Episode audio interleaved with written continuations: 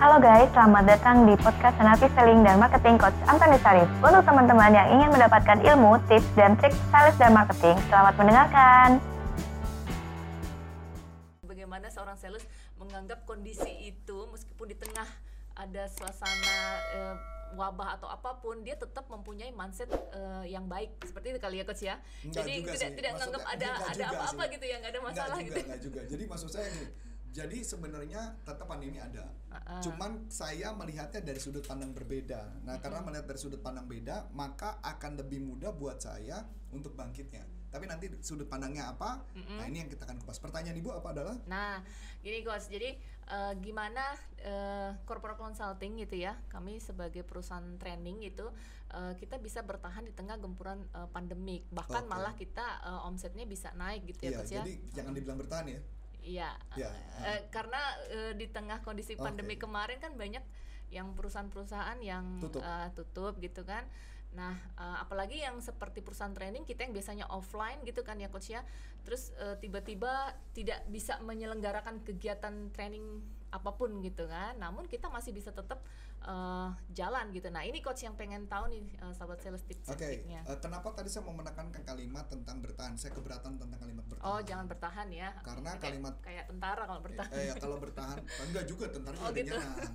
Bertahan itu saya nggak mau pakai kalimat bertahan karena pengenai pengertian persepsi di bertahan adalah yang penting survive hidup. Saya nggak mau. Hmm. Sedangkan di kepala saya adalah tetap bertumbuh. Dalam kondisi apa pun tetap harus bertumbuh. Nah, ini menarik nah, ya. saya cuma kasih gambaran begini yang paling sederhana sih.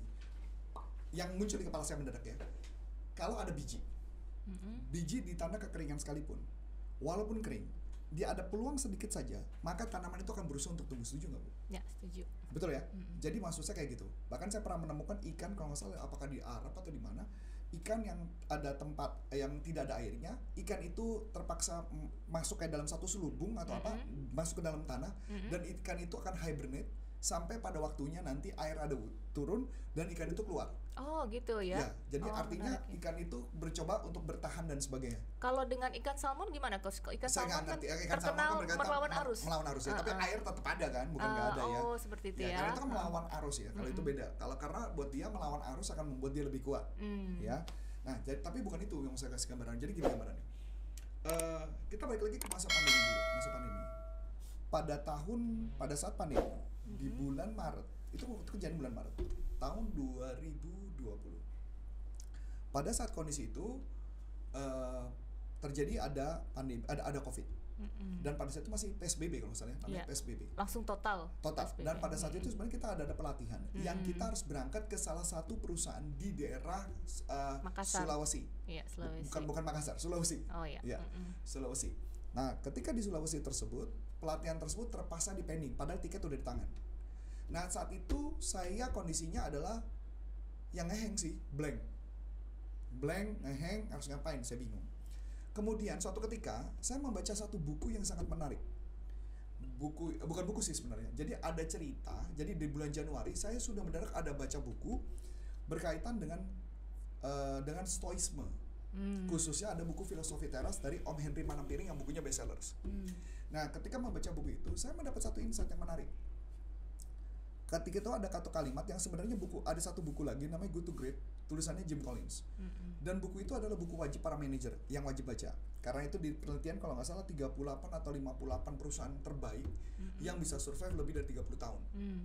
ya dan ternyata buku itu dulu saya baca saya nggak ngerti. Baca aja ya baca aja. Karena karena nggak ngerti. Karena kalau belum kondisinya biasa orang baca baca aja.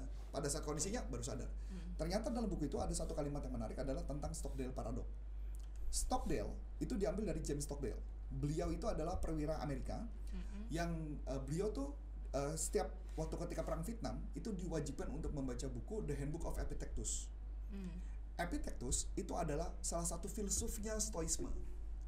Nah, di dalam bukunya tersebut dia cuma menjelaskan bahwa ada kondisi yang bisa dikontrol atau disebut dikotomi kontrol ya. Apa yang bisa dikontrol, ada yang tidak bisa dikontrol. Dapat ya Bu ya? Ya. Apa yang bisa dikontrol sama apa yang tidak bisa dikontrol. Itu yang pertama. Mm-mm. Yang kedua, Sebelum Anda lanjut nonton video ini, silakan Anda subscribe, like, dan share kepada teman-teman Anda sehingga channel ini bisa bertumbuh. ya, ada yang namanya disebut fakta, ada yang disebut opini. Mm-mm. Nah, berarti pertanyaan menarik. pandemi itu fakta atau opini? Tergantung. Ada yang menganggap opini makanya tadi ibu anda ngomong di awal bahwa nggak ada tuh pandemi gitu ya. So which is itu berarti denial gitu kan ya. Kalau saya melihatnya enggak kebalik gitu kalau bilang ini fakta tapi ujung-ujungnya fakta akhirnya membuat kita takut. Betul nggak? Waduh pandemi. Waduh punya karyawan waduh ntar lagi mau lebaran. Waduh mesti bayar THR. Ya. waduh itu kan kondisi-kondisi yang wadu-wadu itu kan. Itu kan munculnya adalah tentang pesis, pesim, Pesimis. pesimis. Pesimis pesimis pesimis itu ya. Nah nanti videonya ada deh. Kebetulan dengan Karin kebetulan ke- eh, nanti dengan Karin ada ngomong kayak gini. Nah tapi maksud saya gini. Pada saat kondisi itu di Stockdale Paradox dia cuma ngomong gini. Ini gambaran besar ya. Dia cuma ngomong adalah kita intinya ya kalimat aslinya saya lupa tapi kalimat intinya kayak gini harus melihat segala sesuatu itu positif. Harus melihat segala sesuatu kita pasti menang. Tetapi harus melihat kenyataan. Hmm. berarti apa bu? Yakin kita bisa survive dulu awalnya dan bertumbuh di masa pandemi ya kan? Tetapi harus melihat fakta bahwa pandemi itu ada. Bahwa fakta bahwa pelatihan-pelatihan itu menjadi hilang. Pelatihan offline dulu kan Iya. nggak ada istilah pelatihan offline ada pelatihan pelatihan yang tatap muka tatap gitu ya muka. Nah, pada saat kondisi itu saya harus berpikir gimana caranya supaya saya survive Hmm. saat itu. Karena yang minimal bayar gaji. Ya kan? Memang ada pengurangan, ada beberapa orang kena Mm-mm. ya pengurangan dan sebagainya apalagi kantor mesti di rumah dan sebagainya itu terjadi pertanyaan menarik gitu kan kita juga deg-degan THR dan sebagainya saya cuman ingat kalimat stoisme tadi mengatakan eh, khususnya Stockdale Paradox mengatakan bahwa segala sesuatu nanti mudah-mudahan di sini nanti Chelsea keluarkan tulisannya gitu ya apa yang tulisan Stockdale-nya jadi intinya segala sesuatu adalah pemenang. Mm-mm. ya kita bakal jadi pemenang tapi ingat realita. Pelajaran penting adalah saya harus sadari. Perusahaannya harus saya bawa keluar saya harus bikin dia bangkit saya harus bikin bagaimana caranya bisa survive dan kita lagi bagus-bagus ya pada saat itu offline. Mm-mm.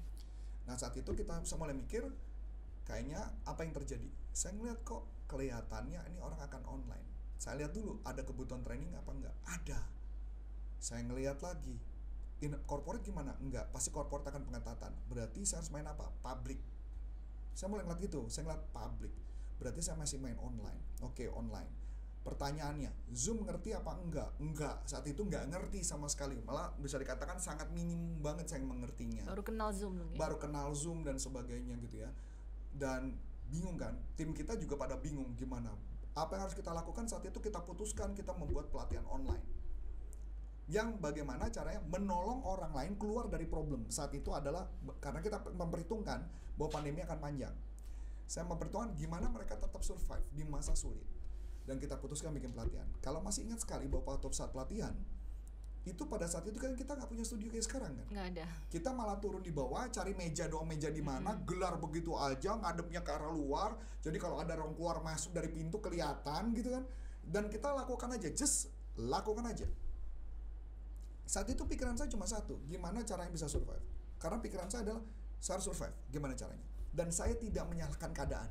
Kalau saya menyalahkan keadaan pasti nggak berhasil nah ini apa insight yang mau saya berikan saya menemukan dalam salah satu pelatihan saya juga menemukan banyak sales yang suka nyalain manajemen Hmm. banyak sa- sales yang menyalahkan bagian-bagian lain hmm. banyak yang menyalahkan bagian lain Saya targetnya terlalu tinggi gitu Eh, ya atau barang yang nggak ada, barang yang nggak ada dan sebagainya. Ha. Pertanyaan saya adalah itulah sales yang kadang-kadang makanya wajar kalau mereka nggak akan sukses Hmm. karena suka menyalahkan sesuatu bukan mencari tahu gimana caranya untuk keluar dari solusi mencari Hmm. solusi saat itu ketika kita ngelakuin komputer kita seadanya bahkan belum ada belum lampu-lampu belum ada lampu belum ada mic ini Mic. Uh, bahkan dulu uh, rekamannya juga cuman pakai kabel doang ditaruh di sini. Sekarang mah udah lumayan udah jauh banget. Bahkan kamera yang kita nggak ada, webcam kita jelek banget tuh, lu inget banget tuh. Dulu cuman pakai apa kamera kamera apa namanya? Apa apa Bipro, Bipro yang Bipro yang kecil Bipro kecil Mm-mm. udah jelas Bipro jelek banget kan rekamannya. Tapi mau nggak mau kita harus ngelakuin sesuatu. We must do something. Ya, jadi ketika jalan kok ada komplain ya ada lah ya nggak mungkin nggak komplain ada komplain pelan pelan pelan pelan kita perbaiki perbaiki perbaiki dan akhirnya kita mulai ngeliat ada kemajuan dan saat itu makanya ketika ada pelatihan pelatihan korporat mulai ngeliat melirik dan sebagainya kita memberi pelatihan nah yang membedakan di saya adalah saya sadar bahwa pelatihan online tidak mungkin bisa sebagus dengan offline. Maka saya mulai mikir, ada nggak cara solusi memberikan pelatihan online tapi dampaknya paling nggak minimal sama dengan offline? Hmm. Ada. Hmm.